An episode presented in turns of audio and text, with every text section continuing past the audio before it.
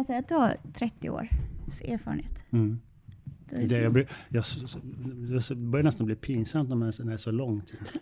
Kan du dra ner till 20? Jag brukar skriva plus 25, men det, men det är faktiskt det är exakt 30 år nu. Då kör jag på 30. Informationen i den här podden ska inte ses som investeringsråd. Tänk på att placeringar i värdepapper alltid medför en risk. Historisk avkastning är ingen garanti för framtida avkastning.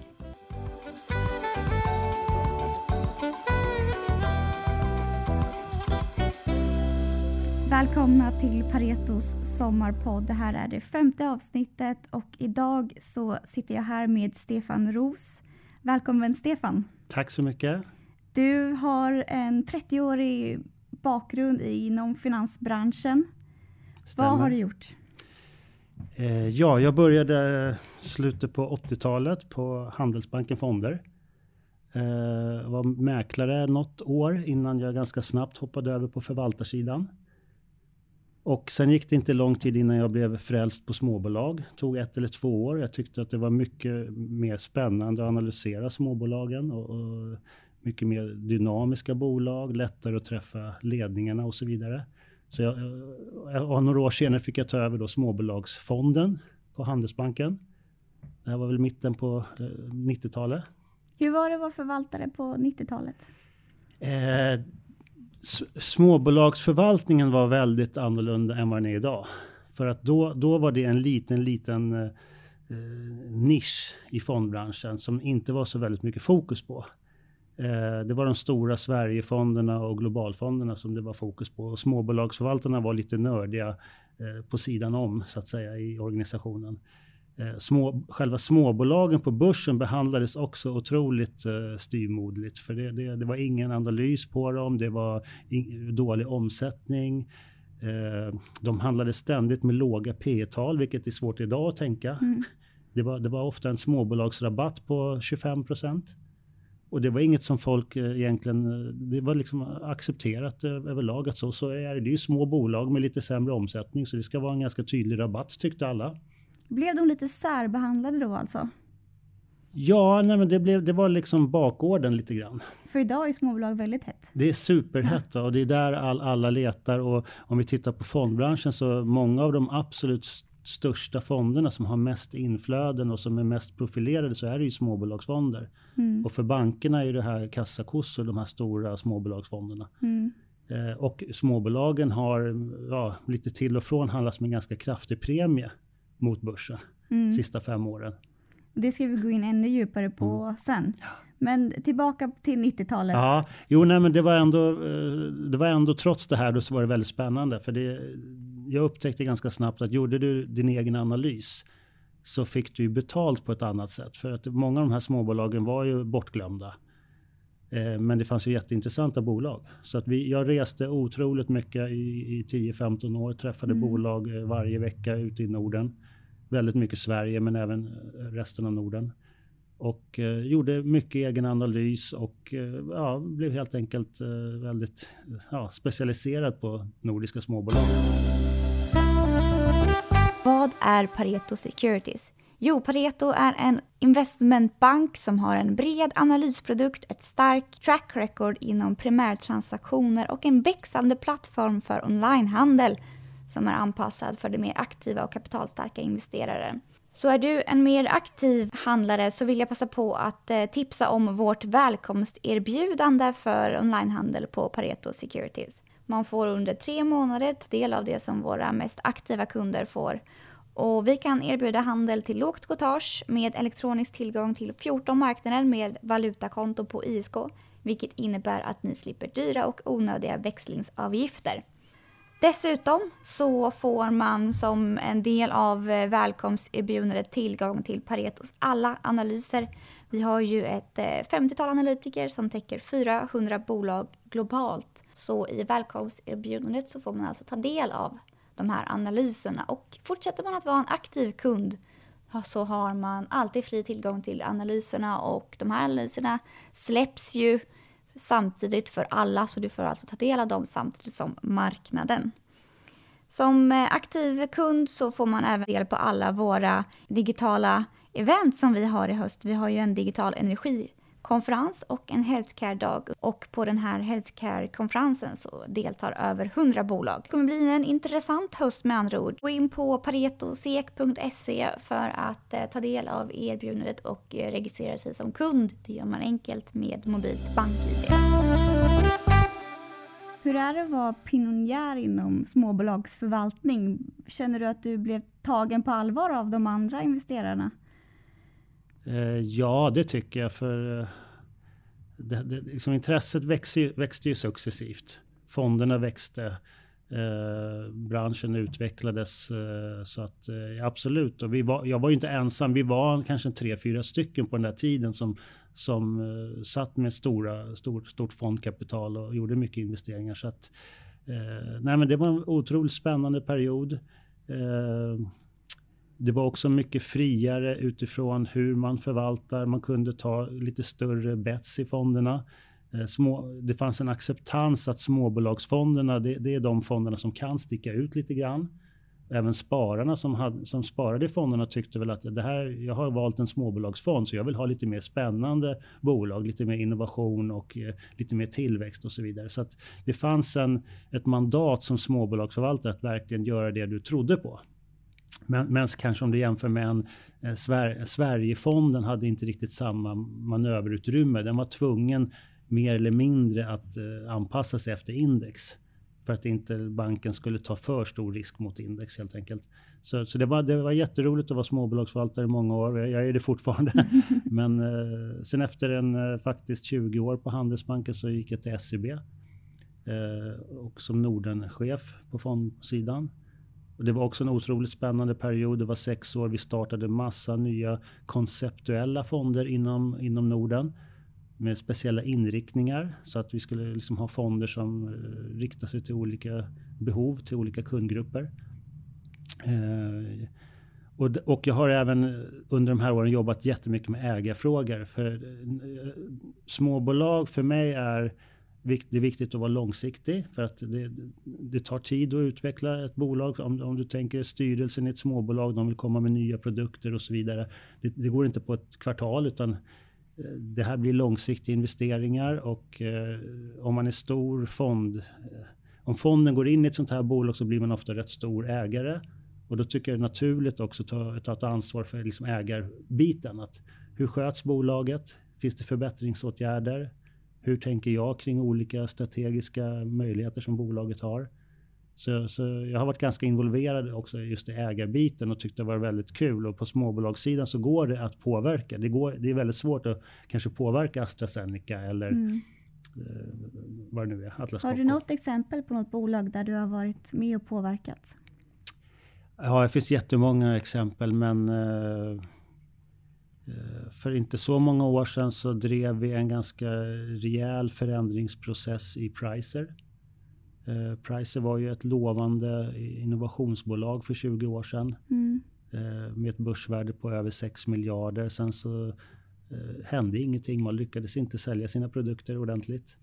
Börsvärdet kollapsade, var nere på 500 miljoner. Och vi gjorde ett stort jobb i bolaget och, och kom fram till att eh, det behövdes, bland annat behövdes det en ny styrelse. Och eh, vi fick med oss andra aktieägare. Vi, vi åkte land och rike runt och träffade aktieägare. Det var väldigt mycket privatpersoner just i det bolaget. Så annars kan man ju ringa några fondbolag och få gehör, mm. eller inte gehör. Men i det här fallet så gick det inte att ringa, så vi reste runt och träffade aktieägare och vi fick ganska snabbt ihop en lista på ungefär 20 stora privata aktieägare. Eh, och vi, tillsammans så drev vi igenom eh, att vi fick in en helt ny styrelse i bolaget. För det är väl inget lätt jobb? Det är inte något alls lätt jobb. Det är inget jobb. populärt jobb? Det, det, kan vara impopulärt från olika håll. Bolaget kan ju uppfatta det som ett, ett liksom, att det är det övertramp nästan. Ja, att, att det är något fientligt äh, agerande. Äh, men äh, vårt mandat är ju, vi, vi, är ju aktieägare, vi äger ju en del av bolaget. Vi, vi har ju våra andelsägare i fonden, det är, de, det är de vi jobbar för. Så det är väldigt viktigt att hålla, hålla sär de här intressena. Mm. Om vi tycker att bolaget blir bättre genom kanske en förbättrad styrelse, då, då kommer vi eh, driva den linjen. Och det är såklart för, för allas aktieägares bästa. Vi, Mm. de, de, om vi ser på Pricer idag så är det ju faktiskt ett mycket, mycket bättre bolag. Ja, de känns ju nästan lite tech. Ja. Ett techbolag med sina sådana digitala... Ja, och det var de Skyltar. ju då också, men det var, det var, det var ingen som förstod det. Och, eh, försäljningen stod och stampade och eh, man hade en del, men, det, men det var ju lika mycket tech eh, för fem år sedan som det är idag. Det är samma system egentligen de har. Så, men, nej, men det kan vara impopulärt, men det kan också vara oerhört populärt. För att jag tycker det saknas fonder och ägare som, som är engagerade. Mm. Eh, och vi, vi, får ju, vi får ju mycket cred när vi gör sånt här också. Från, både från våra investerare men även från andra aktieägare som tycker att det är jättebra att ni höjer rösten. Och till exempel då när vi, när vi var framme vid bolagsstämma i Pricer så gick vi dit och eh, vi beskrev våran plan att vi vill byta ut styrelsen och vi tror på bolaget men man måste göra förändringar. Eh, när det blev omröstning så fick vi direkt mer än 50% stöd på stämman. Mm. Så det fanns ju ett jättestort intresse från övriga mindre aktieägare att oj, det här låter jättespännande. Vi, vi stödjer Origo Capital. Mm. Så, så det är många, det, det är positivt också. Det fanns ett gehör. Det, Och Pricer, för de som inte känner till bolaget, det är de som har de här etiketterna för priser i mataffärer. precis. Så de är ju en av de större i världen på prisetiketter. Och håller på att göra en stor resa i USA va? Ja, de har ju fått in en stor, eh, stor butikskedja i USA som har fått ett par stora order från. Så att, eh, vi, nu kan jag säga att det här är fem, sex år sedan vi gjorde Ja. den här eh, och vi är faktiskt inte, vi är inte kvar som aktieägare längre i Pricer. Eh, men det var, en, det var en intressant resa både, både aktiemässigt och eh, liksom hur vi jobbade med ägarfrågan. Mm. Och nu har vi faktiskt gått vidare till din egna fond som du grundade och som du förvaltar just nu. För du kom från SE-banken och bestämde dig för att starta en ny fond. Hur kom det beslutet fram? Ja, eh, under åren på SEB så som, sagt, jag jobbade mycket med ägarfrågor eh, och kände väldigt starkt att eh, det är långsiktiga investeringar där man går djupt in i varje bolag som, som jag brinner för. Och eh, på bankerna är det trots allt så att det, det handlar väldigt mycket om försäljning. Även inom fonderna på banken så är det så att eh, fonden måste hela tiden eh, eh, drivas på av försäljning. Det är jätteviktigt. Och i vissa lägen kände jag liksom att det, det var ett kortsiktigt fokus i själva hur branschen drevs och hur, hur bankerna drev det här. Och eh, jag ville ha mer ett långsiktigt fokus. Och då, då, eh, plus att ägarfrågor inom en bank kan också vara lite känsligt. För att om På jag, vilket sätt då? om, jag, om, om en bankförvaltare eh, driver vissa frågor. Om till exempel SEB Fonder är stora ägare i ett bolag och driver en fråga. Då kan ju, då kan ju det bolaget uppfatta liksom som att det är banken som tycker olika saker. Mm. När det egentligen är den enskilda fondförvaltaren och den fonden som och de andelsägarna i fonden. Det är det, det är det intresset som styr fondförvaltningen. Det kan ju vara till exempel, som jag, ett annat, jag kan ta ett annat ett konkret exempel. Telelogic var ett ganska håsat eh, IT-bolag en gång i tiden. Och där gick jag in och sa nej till deras optionsprogram. För jag tyckte det var för vidlyftigt. Och jag fick med mig andra aktieägare på det och det röstades ner på stämman och ledningen var tokig. Och de hade då ett stort engagemang i, i banken. Eh, och de blandade ju ihop de här sakerna. Mm. Eh, så att eh, de tyckte liksom att banken hade gått emot bolaget. Men det var ju inte alls det. Banken hade ingenting med det här att göra. Det här var ju jag som fondförvaltare som tyckte att jag kan inte stå bakom det här beslutet. Mm. Men där, där blir det ju en, lite, lite grann intresse. Ja, det blir missförstånd och någonstans kanske en intressekonflikt. Och, eh, och jag, vill, jag ville jobba med ägarfrågor till 100% utifrån andelsägarnas perspektiv. Vad är bäst för fonden? Vad är bäst för andelsägarna? Så då startade du Origo Capital. Ja, precis. 2011 och vi kom igång lite senare, 2013 med våran fond. Och det är en nordisk eh, småbolagsinriktad fond. Och den kan gå lång och kort så att vi, vi basen är eh, långsiktiga investeringar i småbolag. Men vi kan även blanka bolag som vi upplever har problem på ett eller annat sätt. Det är också ganska impopulärt. Ja, eh, det kan också missuppfattas från vissa Mm. håll. Men det är egentligen inget konstigt alls. Eh, eh, det finns så många intressen som vill snacka upp aktiekurser hela tiden. Eh, analytikerna ofta, har ofta köprekommendationer. Det är väl, om man tittar på alla rekommendationer så är väl 70-80% köp jämt. Eh, och det finns många analytiker som vill ligga bra till hos de bolag de bevakar, så de har en tendens att vara liksom lite för snälla i sina analyser. Eh, sen har vi Corporate Finance som vill ligga väl till hos alla bolag för att få affärer. Så de är också positiva.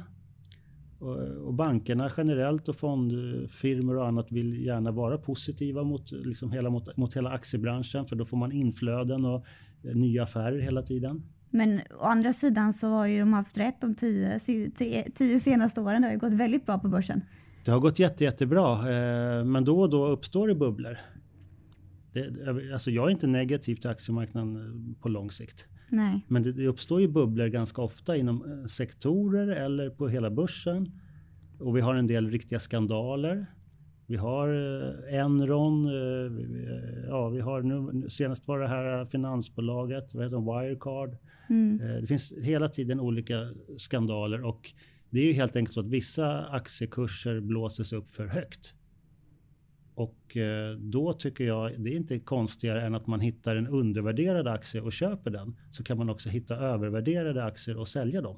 Mm. Eller blanka dem. Det är samma sak egentligen.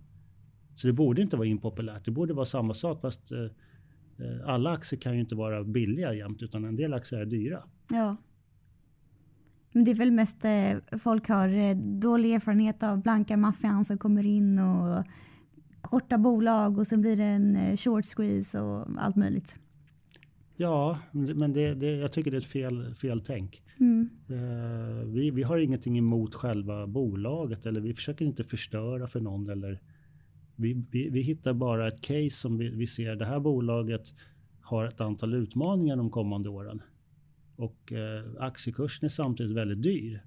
Marknaden tror att det ska gå bra de kommande kvartalen. Vi tror att det ska gå dåligt. Och då blir det ju för oss inte ett köpcase utan då är det ett säljcase. Jag kan ta ett ex konkret exempel. Vi för två eller tre år sedan så tittade vi närmare på XXL. Och vi såg att de satsade våldsamt på att bygga stora fysiska butiker. Och de hade även kommit ut med sin plan att börja expandera de här, det här konceptet ut i Europa.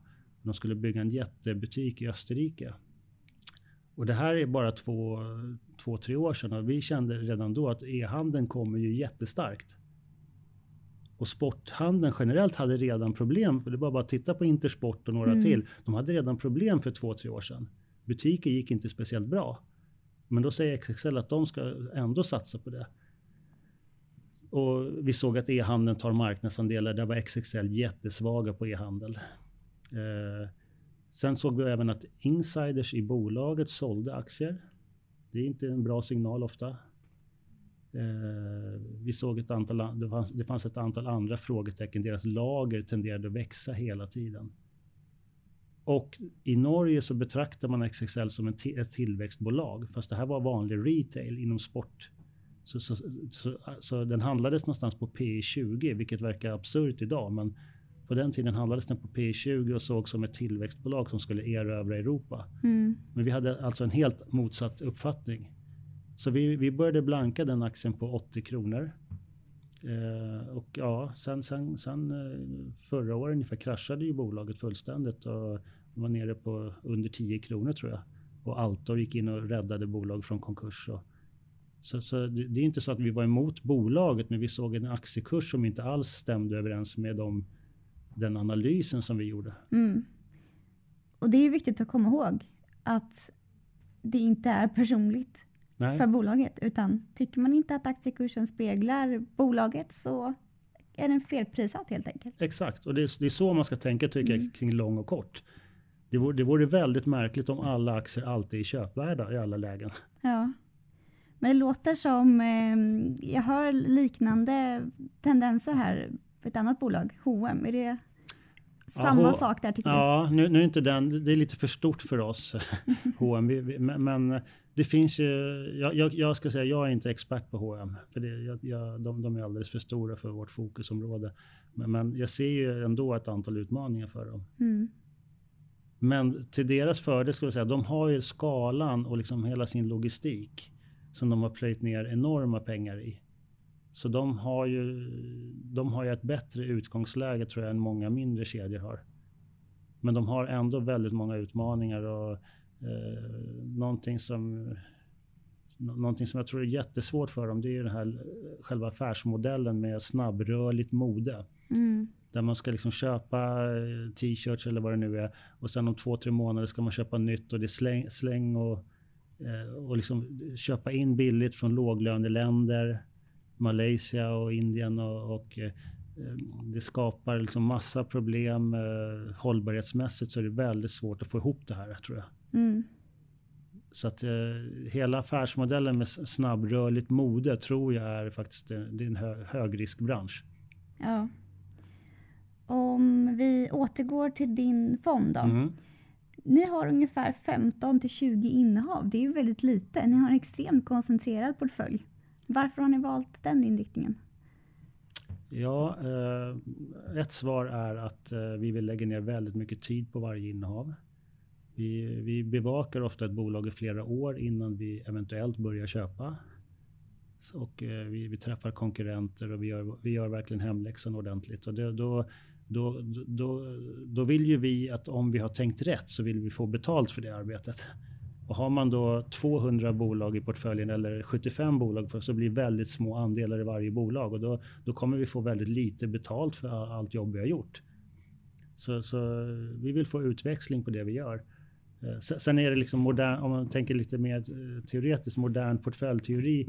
Mm. Eh, om, du har, om du har 12 tillgångar, som, som jag kommer ihåg skolböckerna, så var det så att om du, har, om du bara äger en aktie så har du ganska hög risk. Har, äger du två aktier så minskar risken väsentligt. Och, och, så vidare. Men när du kommer ner till, eller när du kommer upp till 10-12 aktier, efter det så minskar inte din totala risk, alltså den mm. volatiliteten som den portföljen kommer ha. Om, om jag går från 12 bolag till 20 bolag så har jag ungefär samma volatilitet ändå. Ja, den där kurvan, jag ser den framför mig, den där ja, grafen. Exakt. Så, så, anledningen till varför många fonder har eh, liksom 100 aktier, det är för att de är så otroligt fokuserade på index. De, om de, de, är rädda för att oj, nu kanske det är något bioteknikbolag som sticker upp här och vi har inte det, så vi, ja, vi, vi köper en liten andel i det också. Och sen har de lite informationsteknik och verkstad och så vidare. Till slut så täcker de in hela börsindex mer eller mindre. Och så har man lite övervikt på de man gillar mest och lite undervikt på de andra. Men vi jobbar inte så. Vi tar bara in, vi har ungefär 15 innehav som, som du sa och det är bolag som vi verkligen tror på, som vi har gjort en stor eh, hemläxa på. Mm. Så ni är en long short fond. Ni investerar i små nordiska hållbara bolag, ungefär 15 till 20 innehav vad har ni mer för kriterier i er fond? Ja, nej, men gr grunden är hållbarhet. Att vi vill se i deras affärsmodell att det finns någonting unikt som, som är kopplat till hållbarhet. Och, eh, det är ofta kring produkterna och tjänsterna de erbjuder. Att de möter ett behov som finns i världen. Och just nu finns det ju väldigt många globala utmaningar Eh, klimatfrågor, miljöfrågor är det, det, absolut största tycker jag, frågan för världen och för liksom, eh, vi börjar se liksom konkret att det påverkar också samhällen och ekonomin på ett helt annat sätt. Nu, nu har vi corona, men mm. Eh, och det är väl inte bevisat riktigt vad, om det har en koppling till klimat eller miljö, men på något sätt så säger ju alla de här virusexperterna att urbanisering, eh, hur, vi, hur vi handskas med mat och Eh, renlighet och allt det, det, det är kopplat till hur snabbt de här virusen sprids. Mm, att vi reser mycket. Vi reser mycket. Eh, så det, det, är många saker som händer i världen som, som, gör, som påverkar klimat och, och miljö på ett negativt sätt. Mm. Det är väl rätt så klart. Det finns ju väldigt många olika sätt att uh, approchera miljö eller hållbarhetsfrågan. Mm. Hur har ni valt att hantera den? Ja, vi, som sagt, vi, vi tittar mycket på produkter och tjänster och liksom vilka problem som de här produkterna faktiskt kan lösa. Eh, och eh, det andra är att vi tittar väldigt mycket på värdekedjan i, i ett, för ett bolag eller för en bransch. Hur ser den ut liksom med inköp, logistik och så vidare. Och finns det lösningar som kan förbättra hela värdekedjan så är det jättespännande. Ett sådant bolag har ju fantastiska möjligheter. Kan du ge något exempel på ett sådant bolag som ni har i er portfölj? Ja, eh, ett eh, väldigt spännande bolag som vi ganska nyligen har investerat i är BIM Object. Som är ett litet plattformsbolag eh, för, faktiskt för byggbranschen. Och byggbranschen är väldigt speciell. Den, den, den är ju, om man jämför med andra branscher, otroligt ineffektiv. Och det ser man ju bland annat på att det, det alltid är låga marginaler. Även i högkonjunktur så tjänar inte byggarna mer än 2-3 procent. Och det har att göra med de här processerna med liksom inköp av byggmaterial, hur ritningarna sammanställs och alla underleverantörer som ska samarbeta. Eh, man köper in för mycket, liksom vad det nu kan vara, betong eller det är väldigt många ineffektiva processer. Och, det, och, och, och, där kan man ju tänka sig att om det skulle vara mer digitalt driven bransch så hade man kunnat effektivisera det här och göra det mycket liksom smartare. Och då, BIM Object har en lösning då just för arkitekter och de som planerar byggen. Där man, där man då eh, ritar, hela, ritar upp hela fastigheten egentligen, men även ritar in exakt vilka produkter, vilka skrivbord, vilka ventilationsutrustning, lampor. Eh, allting ritas in med liksom produktnummer och eh, 3D och så vidare. Så du, du, får, du får hela, exakt hela planen klar från början. Som ett Sims? Mm. Ja, Precis, exakt. Ja. Ja. Och har de lyckats väl med det här? Då? De, det, de har hur tas det emot av byggbolagen? De, det är ju rätt så nytt bolag det här. De är ju i väldigt tidig fas. Eh, de, har, de, har, de har växt väldigt bra när det gäller an, antalet användare. Så just nu kan man också tänka sig här med, med corona och det att folk jobbar hemma. Arkite även arkitekterna och, och planerarna har ju suttit hemma. Så jag tror att under den här våren så har nog deras tillväxt av nya användare varit exceptionellt bra. Mm. De har ungefär två miljoner användare globalt idag, så det är det största bolaget i världen inom det här. Och, eh, men de, de, förlorar fortfarande pengar. De har, de har liksom en lite för hög burn rate. De har ett nytt, det är ju EQT som gick in i det här bolaget för ett tag sedan och de har tillsatt ett nytt management som har lite mer fokus på kostnadskontroll. Så nu försöker man både gasa och bromsa samtidigt. Men eh, helt klart är att de har, de har en enorm möjlighet att revolutionera hela byggbranschen. Mm. Men så lönsamhetsaspekten är ingen, inget krav för er? Jag ska säga 90 procent av portföljen så är det lönsam tillväxt som, som gäller.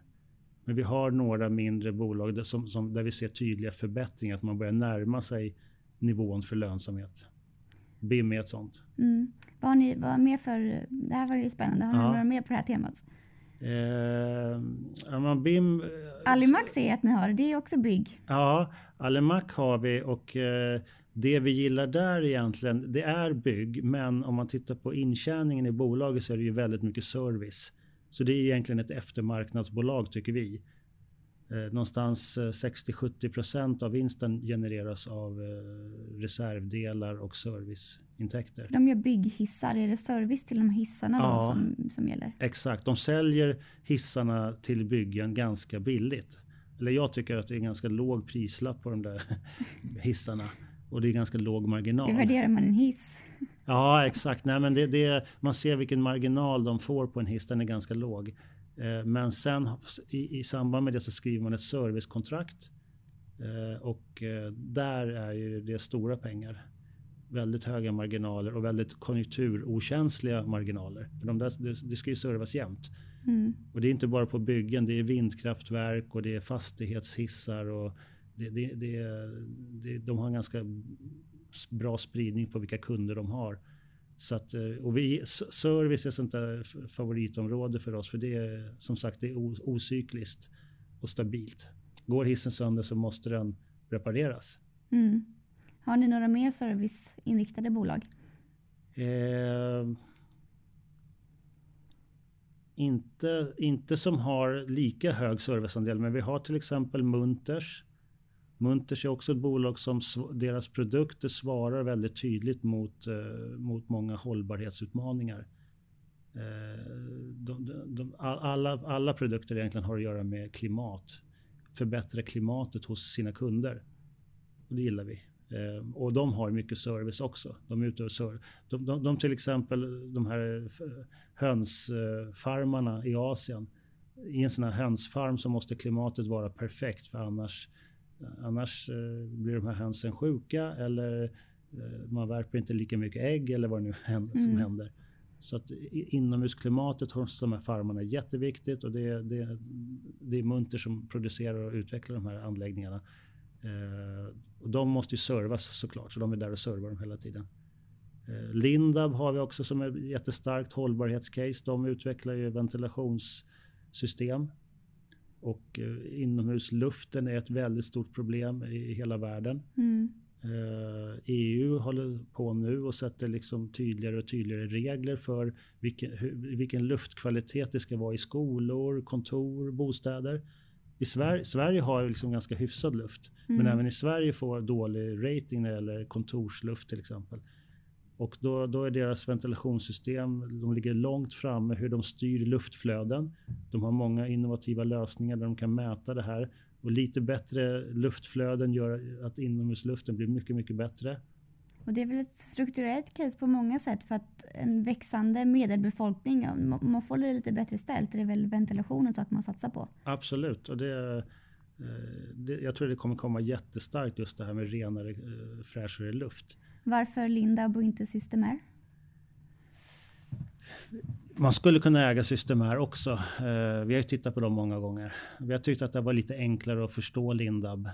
Eh, Systemair har gjort otroligt många förvärv under, under årens lopp och eh, en del förvärv har väl varit ganska misskötta från början så i och för sig finns det en förbättringspotential men vi har haft lite svårare att pejla in helt enkelt kvaliteten där.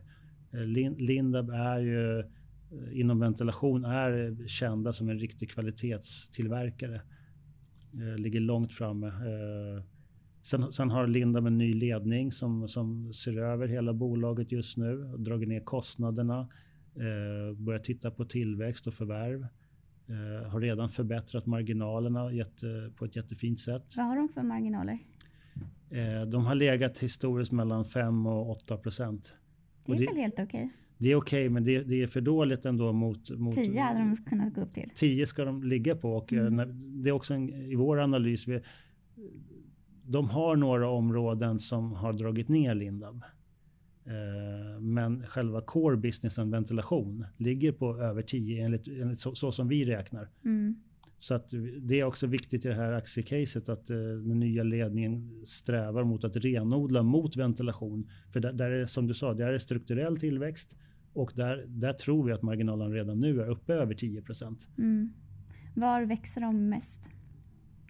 Eh, ja, de, de har ju en verksamhet som heter Building System som är bygg, eh, ja, snabba så, så, så, säga, lagerlokaler som man sätter upp en fastighet väldigt enkelt med, lite, lite, på, med som en byggsats. Och den, den har vuxit några år nu. Mm. Eh, men den är väldigt cyklisk, den går upp och ner.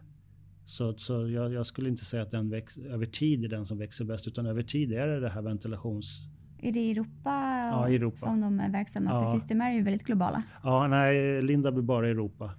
Eh, men de har en väldigt bred och bra plattform i Europa. Och det är innovation som är viktigt framåt. Eh, olika typer av digitala verktyg. Som, Internet of things kanske? ja, exakt. Koppla det till de här rören med, med luft. För Kunna att- bestämma exakt hur man vill ha det hemma, Ja. vilken temperatur. och Och, koppla det kanske till en panel där du inte bara har luft utan du har kyla, du har belysning, du har smarta hem helt enkelt. mm. Och där är ju luft eh, en del av hela Det kommer efterfrågas om man kör det här helhetspaketet så kommer ju luft vara en sån sak som man vill ha. Exakt. Eh, och det, det drivet av att man, konsumenterna vill ha det men också drivet av myndigheterna att de kommer kräva det. För att det, det kommer bli tydligare. Det finns mycket allergiproblem, mycket hälsoproblem kopplat till dålig luft. Mm. Så det är en enorm kostnad för, för staterna att eh, liksom ha det här dåliga luften. Så det är ofta så med hållbarhet att det drivs från både att konsumenterna blir mera intresserade för att vara hållbara, Mm. men också att det är mycket hårdare krav. Det kommer från alla håll. Det blir lagkrav, det blir investerare som är eh, angelägna och det blir privatpersoner och konsumenter som är angelägna. Så det slår ju verkligen på flera olika fronter. Precis. Man ser på det här superfina bolaget Beijer som gör kyla. Ja eh, kylbolaget som, som levererar kylvätska och system till eh, till exempel livsmedelshandlarna. ICA Maxi och andra. De, de, de växte ganska bra i många år men sen plötsligt så bestämde man inom EU att de här gamla kylvätskorna var inte tillräckligt miljövänliga. Alla, alla egentligen eh, butiker som har kyl, eh, kyl, vad heter kylare, eller kyl för livsmedel, de måste byta ut sin vätska. Och plötsligt så bara accelererar tillväxten för BRF. Mm. Jag tror det kan komma något liknande på luft inom fem år. Att eh, har man, uppfyller man inte vissa krav så, så måste man byta ventilationssystem. Sådana saker är väldigt intressant att hålla koll på. Men tittar man på portföljen så har ni ju väldigt spridda bolag. Ni har lite mm, service, ni har lite luft, ni har lite nischbanker. Det finns ju menar, över tusen nordiska bolag. Hur hittar ni bolagen att investera i? Ja, eh, först kan jag säga den, är, den ser lite spridd ut kanske, men den är inte så spridd.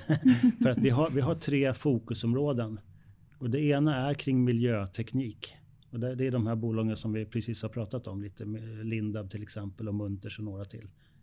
Eh, sen har vi bolag kring hälsa och välbefinnande, för det tror vi det är också en global, global utmaning.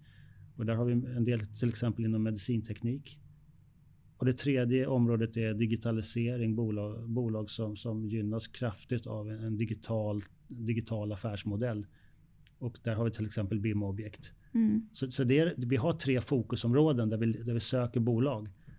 Sen kan vi ha något, eh, något, någon investering utanför de här tre om, vi, om det finns bra argument för det också. Vi, vi, vi är inte så stela men, men det är säkert 85 eh, procent av portföljen inom de här tre områdena. Sen så, eh, ja, det är många bolag. Det är det som är tjusningen med nordiska småbolag. Det finns väldigt mycket att välja på.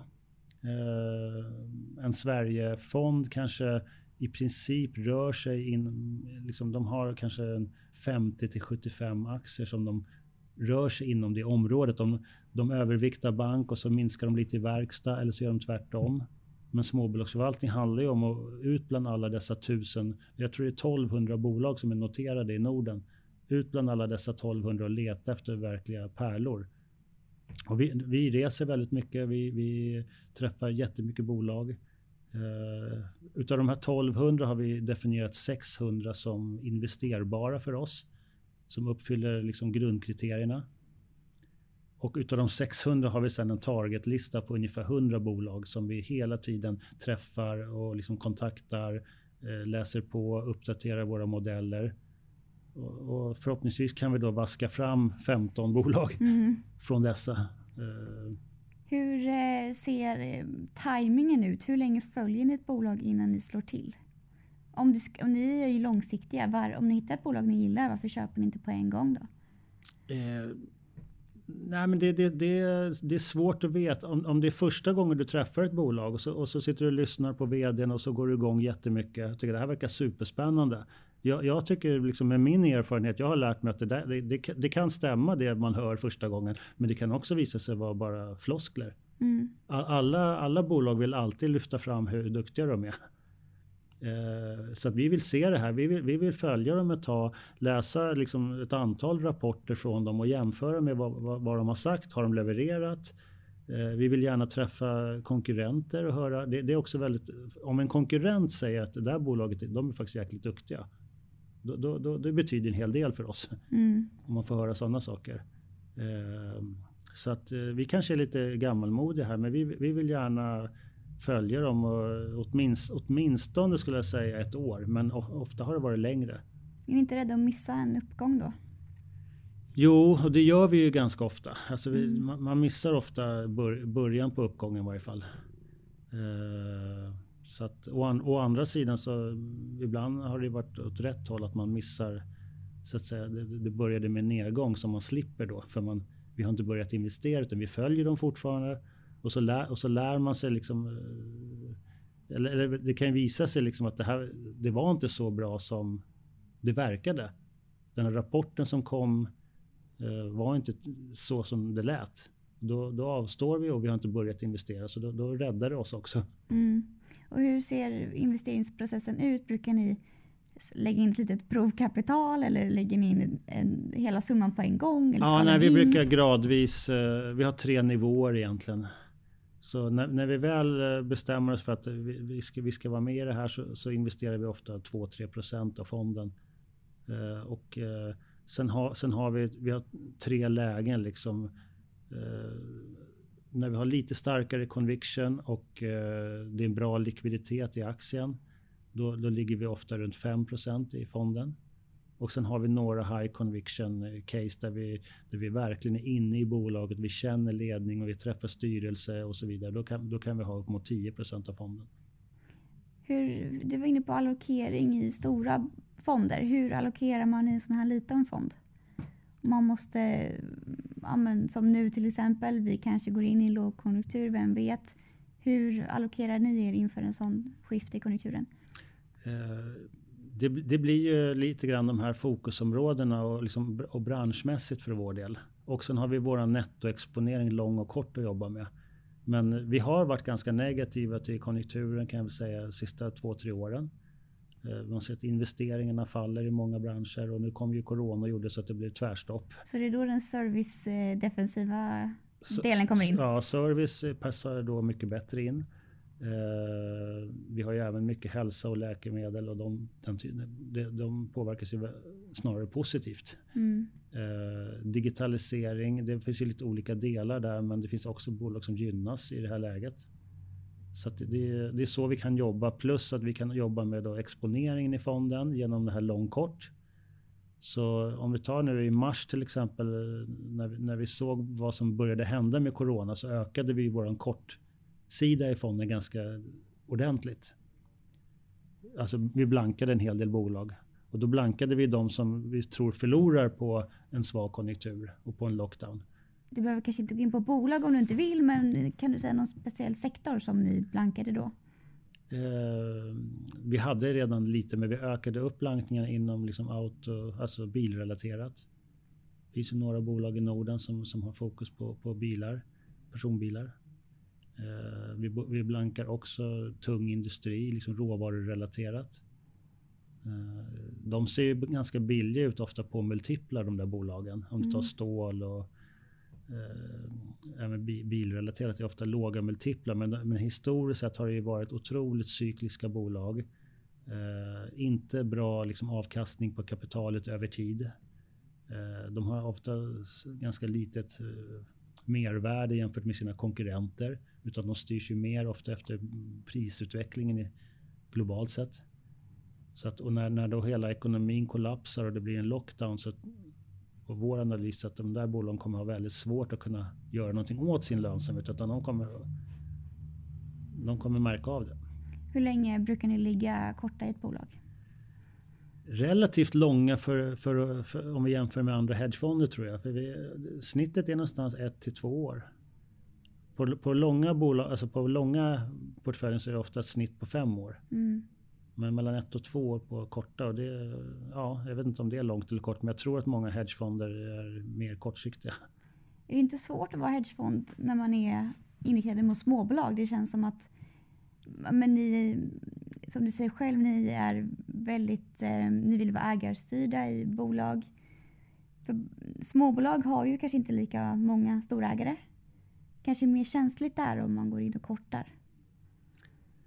Jo, nej, men det, det, det är svårt med hedge och småbolag, den kombinationen. Eh, men det var också anledningen till att vi startade den 2013, för vi, det fanns nästan inte på marknaden. Jag tror vi var först i Sverige. Uh, och vi är fortfarande, liksom, det finns, nu har kommit några till under årens lopp, men det är inte så många. Och det är en utmaning att hitta en hedge. Alltså, varför hedgar man? Jo, det för man vill inte att portföljen ska vara så beroende av hur aktiemarknaden går. Om, om aktiemarknaden rasar med 20% så tenderar de flesta aktiefonder också att rasa med 20% Hur gick det för er i raset i mars? Eh, vi, vi, nu ska jag förklara, vi är en så kallad då long bias hedgefond. så vi är inte helt neutrala. Det finns ju olika nivåer på hedgefonder. Och hade, en, hade, vi varit marknadsneutrala så hade vi hoppats att vi hade klarat oss helt utan det. Men vi är long bias, vi ligger ungefär med 50 exponering. Och det, det, var ungefär vad vi fick och det, jag är inte nöjd med det för man vill ju att bolagen ska gå ännu bättre helt enkelt. Men, men vi, vi, vi, vi, vi fick ungefär halva börsens ras. Mm.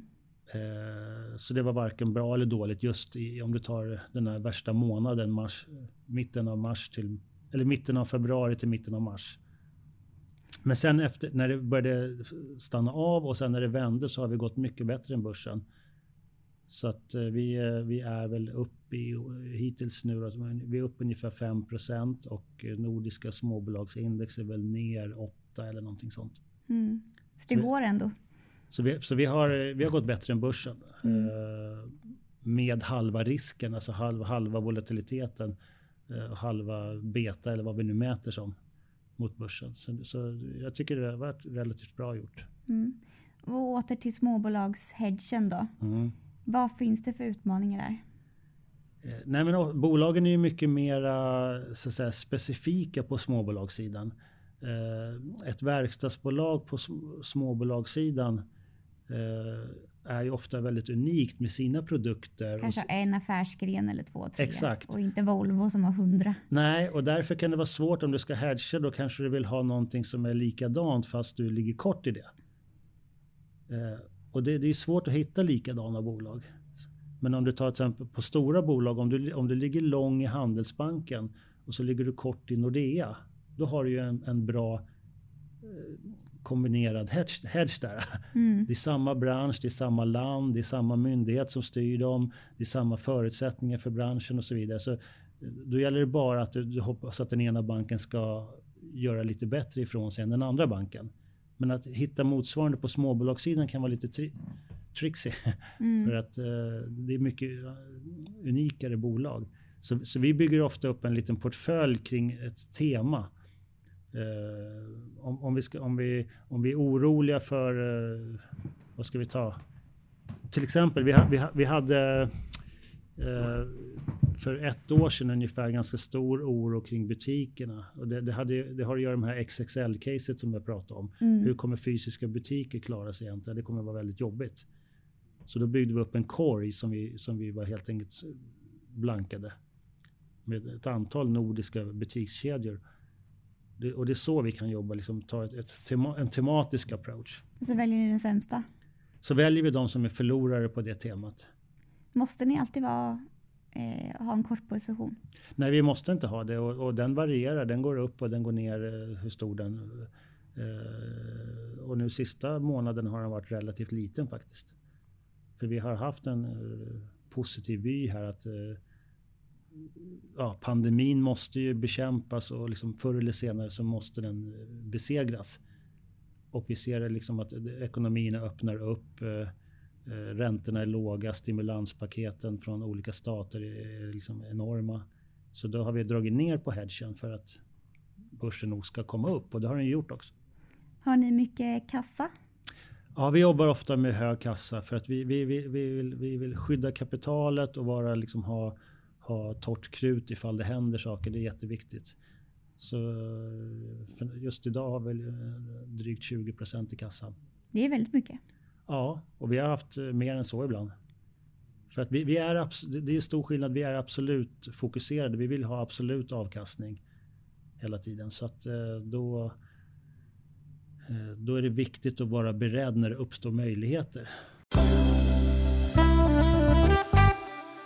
På Pareto Securities har vi ett fantastiskt erbjudande för utlandshandel. Du kan handla på nästan samtliga europeiska börser samt Kanada och USA direkt i din webbläsare. Och det gör man förslagsvis på ett ISK med valutakonto för då slipper man dyra växlingsavgifter som oftast är flera gånger högre än själva courtaget. Och för den mer avancerade handlaren så erbjuder vi tillgång till för och efterhandel i USA, stopploss och orderläggning samt möjlighet att gå kort aktier globalt. Men ni är ju så, ni tar ju ganska god tid på er i ert analys och förvaltningsarbete. Mm. Vad är det för möjligheter då ni är rädda att missa? Nej, men det kan komma en placing till exempel i något bolag som vi, tycker, som vi har liksom bevakat i ett års tid och som vi, vi bara letar efter ett liksom bra läge att komma in. Eh, jag vet ett antal, jag ska inte säga det nu, men jag vet ett antal bolag där, där vi ser liksom, vi gillar bolaget men vi tycker att balansräkningen eller cashflow eh, är, svagt. Så vi tror att det kommer komma några, några, några emissioner här. Eh, så det, då, då, har vi dem på bevakning och så vill vi ha då kassa som vi kan använda ifall det blir ett läge. Så att, eh, och det kan vara andra möjligheter som uppstår. Corona var ju ingenting som vi hade en aning om, men där uppstod det ju väldigt fina köplägen mm. i slutet på mars. Och, det, och då, då, fyllde vi på i flera av våra bolag. Vi fyllde på i Lindab till exempel. Vi, vi gick in i BIM-objekt och vi gick in i några nya bolag. Så vi hade följt länge. Det låter ändå som att du är ganska positiv till börsen i slutet av året här. Stämmer det?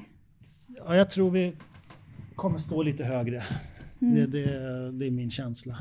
Men det är svårt med börsen för det är, eh, det är olika branscher. Det är, bankerna till exempel väger väldigt tungt i index. Och bankerna tycker jag är en svår bransch. Det, eh, det är så många saker som påverkar den branschen och även telekom. Och, men generellt så är jag svagt positiv faktiskt. Men ni har ju lite nischbanker, Hoist, Resurs. Varför har ni de typerna ja? Och de, de är ju lite udda mm, kanske de, vid första tanken kring hållbarhet och så. Men, men, om vi tar Hoist så tycker vi, vi tycker det är ett väldigt spännande hållbarhetscase trots allt. För att det, det de gör är ju, de köper ju skuldportföljer av de stora bankerna i Europa. Portföljer där, där det ligger förfallna lån. Där det helt enkelt det kan vara Deutsche Bank som inte längre får in pengar på de här lånen man har gett till konsumenter. Och då säljer man de här portföljerna till Hoist och de börjar då jobba på ett annat sätt mot de här privatpersonerna som sitter med skulder. De, de, de, de försöker hitta någon form av skuldsaneringsöverenskommelse där eh, den här privatpersonen kanske betalar av 20 procent och sen skriver man bort hela lånet. Och det, det, är, det är också ett jätteproblem som EU-myndigheterna har lyft upp flera gånger, att det finns för mycket skulder i hela Europa. Och någon måste ju göra någonting åt det här. Och de stora bankerna verkar inte klara av det själva. Och Hoist är en av de ledande i Europa på att jobba med skuldsanering på ett bra sätt. Så det, det, är ett hållbarhetscase helt enkelt. Att hjälpa, få, få, få, att konsumenterna får en andra chans att betala av sina lån. Mm. För alternativet för de här konsumenterna är att de går i personlig konkurs eller att de får ja, inkassokrav eller vad det nu är. Har risken ökat nu under corona? Eh, ja, på kort sikt så är det klart att eh, till exempel är Hoist ganska stora i Italien och Spanien. Och där var det en, en total lockdown av hela länderna. Mm. Och då, då även, även de som ska gå till banken och betala av sina lån och sånt, de, de var ju också hemma. Allting var ju stängt. Man kunde inte gå till posten ens och betala en postväxel. Eller, så, så vad jag har förstått så ja, den här branschen, då, skuldsaneringsbranschen, har också varit mer eller mindre stängd i vissa länder. Så, så Hoist har säkert fått in lite mindre pengar än vad de normalt får. Men å andra sidan så har ju deras marknad, om vi nu säger så, personer som har ekonomiska problem, den har ju blivit ännu större. Mm. Så på, i nästa läge när, när, när ekonomin öppnar och man kan röra sig och åka till banken och så vidare, då har de ju ännu mer att jobba med. Då har de ännu större marknad. Och de här stora bankerna har förmodligen eh, dåliga portföljer. Än, ännu fler dåliga portföljer som de vill sälja till Hoist. Mm. Så att eh, det är, tyvärr kan man väl säga så är det en tillväxtbransch. För Hoist kommer kunna växa under många, många år framåt på grund av att det finns så mycket dåliga lån i Europa. Mm. Men de gör ju en, faktiskt en social insats. Så att det, det, det, och det, det, vi har den profilen i fonden. Vi letar efter bolag som löser samhällsproblem. Är det några bolag ni väljer bort? Ja, vi, vi har, jag tycker det här med exkludering och ESG, det, det, det är inte den bästa metoden egentligen. Men, men, vi, vi har några branscher där vi har sagt här kommer vi aldrig investera. Och det, det är till exempel eh, försvarsindustri och eh, eh pornografi och alkohol, tobak. Så inte Swedish Match i er portfölj? Nej. Det är för stort kanske också i och för sig. Den är nog för stor nu tror jag. Eh, men, men de fyra sektorerna har vi sagt, har vi, de, de, eller vi har inte bara sagt utan vi har skrivit in det i våra policy att de, de investerar vi aldrig i. Eh, men annars är vår liksom generella approach att det, bet, det bästa är att ha en dialog med bolagen. Mm. Eh, så att om vi, om vi upptäcker något bolag som missköter sig så kommer vi höra av oss till dem. Och vi har haft sådana case. Det, det, det, handlar, det är det här med aktiva ägandet som vi pratar om. Ibland är det vissa bolag som vi tycker kan göra mycket bättre saker för samhället också. Och innan vi avrundar, Stefan, så vill jag veta hur småbolagen har förändrats när du förvaltade dem för 30 år sedan. Finns det några sådana småbolag som har blivit riktigt stora bolag nu? Ja, jättemånga. Alltså, jag kan berätta en, en pinsam historia då, när du säger sådär. Eh, eh, Securitas för, för 20 år sedan var ju ganska stort vaktbolag. Men så skulle de knoppa av då sitt lilla, sin lilla låsverksamhet som hette då Assa. Och jag råkade vara den första investeraren som fick träffa Assa, av alla. Det var jättekonstigt. Jag vet inte riktigt. Jag, jag förvaltade Handelsbankens småbolagsfond och jag, jag, har berättat den historien någon gång förut. Men på något sätt så fick jag träffa då, eh, och det var ju Svanberg som var relativt okänd eh, vd då för Assa. Mm. Och så mm. skulle han bli egen börs med Assa. Och eh, ja, den beskrev det här lilla bolaget som eh, börsvärde på en miljard eller vad det var när det knoppades av från Securitas. Ja, vi äger massa låsverksamheter i olika länder och det är eh, mängder med olika fabriker och det är olika standards och det är, eh, det är rätt låga marginaler i många länder och vi har en del förluster här och omstrukturering pågår. Och det lät ganska tråkigt och eh, svårt att förstå potentialen i det. Och sen så började ju Assa Abloy växa genom förvärv. Svanberg var liksom kanske en av världens bästa vd på att genomföra förvärv. Mm, det, så du investerade inte där då? Nej, vi tackade, jag tackade nej. Ja. Tyckte, vi såg ingen riktig potential. Vänligt men bestämt. Ja, väldigt, tack. Jätteintressant. Bra möte. Men eh, såg liksom inte potentialen. Och plus att jag först, han pratade ganska lite om förvärv. Eh, och liksom den drivfaktorn. Men det var ju det han hade i sikte. Det förstod man ju senare. Bara några år senare så hade ju börskursen femfaldigats och sen idag vågar jag inte ens tänka på vad är börsvärdet på Assa Abloy? Det, det, är väl, jag, ja, nu, jag vet inte, men det, det, det är mer än hundra gånger högre än vad det var då. Ja. Har du några andra såna här äh, misstag du kan dela med dig av?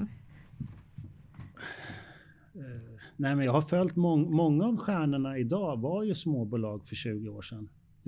Och, och en del har man ju varit med på hela vägen eh, faktiskt. Eh, eh. Finns det något som du ångrar att du inte hoppade på för 20 år sedan? Eh,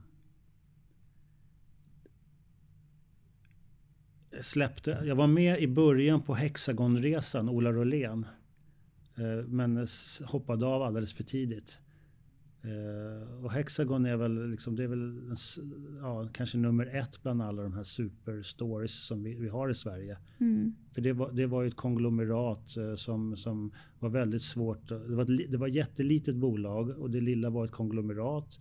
Uh, väldigt osexigt. Och, och, och, så kom Ola Rolén dit och såg det här, den här mätutrustningen. Att det, det, finns, det, det finns ett frö i det som skulle kunna bli någonting och det andra ska vi sälja av.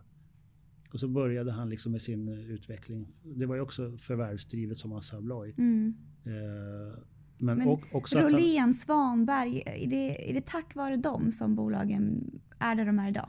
Jag tror det. Det är något som jag har grubblat mycket på. Liksom när, man, när jag började i branschen så var jag väldigt nyckeltalsfokuserad. Väldigt. Alltså, man, man, man, jag hade kanske fem nyckeltal. Det här måste man uppfylla för att vara intressant. Mm. Eh, men sen märkte man efter ett tag att eh, riktigt duktiga människor kan verkligen förändra det här och även förstöra det här. Mm. Så det var ju slog åt båda hållen.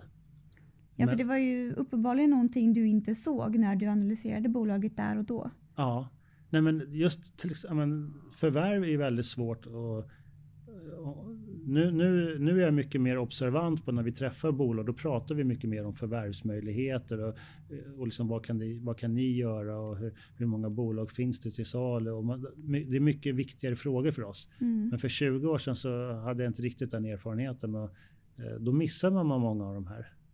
Eh, så att eh, man tittar på lönsamheten i förra året och i år och kanske vad lönsamheten ska vara nästa år Men, men det där, det visar sig, det, det, är bara, det är ofta bara en siffra. Kommer det in ett stort förvärv så förändras ju den bilden. Ja, då blir det puff. Ja, då, blir- då händer någonting. Ja. Och eh, de som är duktiga, för det är, det är inte lätt att göra förvärv. Det finns många bolag som har gjort dåliga förvärv. Ericsson har gjort massor av dåliga förvärv.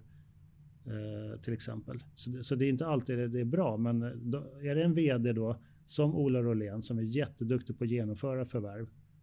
Så, så är det super, super intressant. Så det, det, han, han, han, har gjort ett jätte, enormt jobb. Mm. Och Svanberg är precis likadant. Så man ska inte underskatta management. Nej, eh, de är värda ännu mer. Så att säga. Det, det är en jättestor parameter.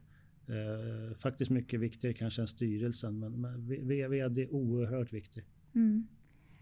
Och jag tycker det har varit ett väldigt intressant samtal. Vi är högt och lågt. Mm, allt möjligt. Ja, och nu till... eh, Nu kommer jag ställa en fråga som du inte är beredd på, men nu till sommaren så vill man gärna läsa någonting.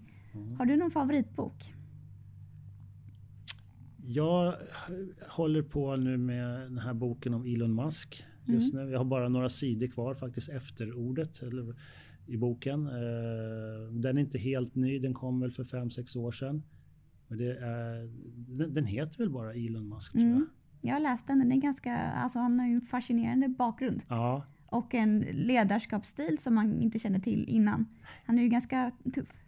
jättetuff. Och, eh, men som du säger, när, när man förstår hans bakgrund, eh, som inte var så lätt i början, och hans fokus på liksom, teknik. eh, Och, man, man, har, man får ju en helt annan förståelse för vad det är han vill göra för någonting. Mm. Och, och varför han lyckas också. Mm. Så den, den rekommenderar jag varmt. Mm. Tack så mycket för det. Och tack för att du gästade Pretos sommarpodd. Ha Tack en, själva, tack för ja. att fick vara med. Ha en fin sommar. Detsamma.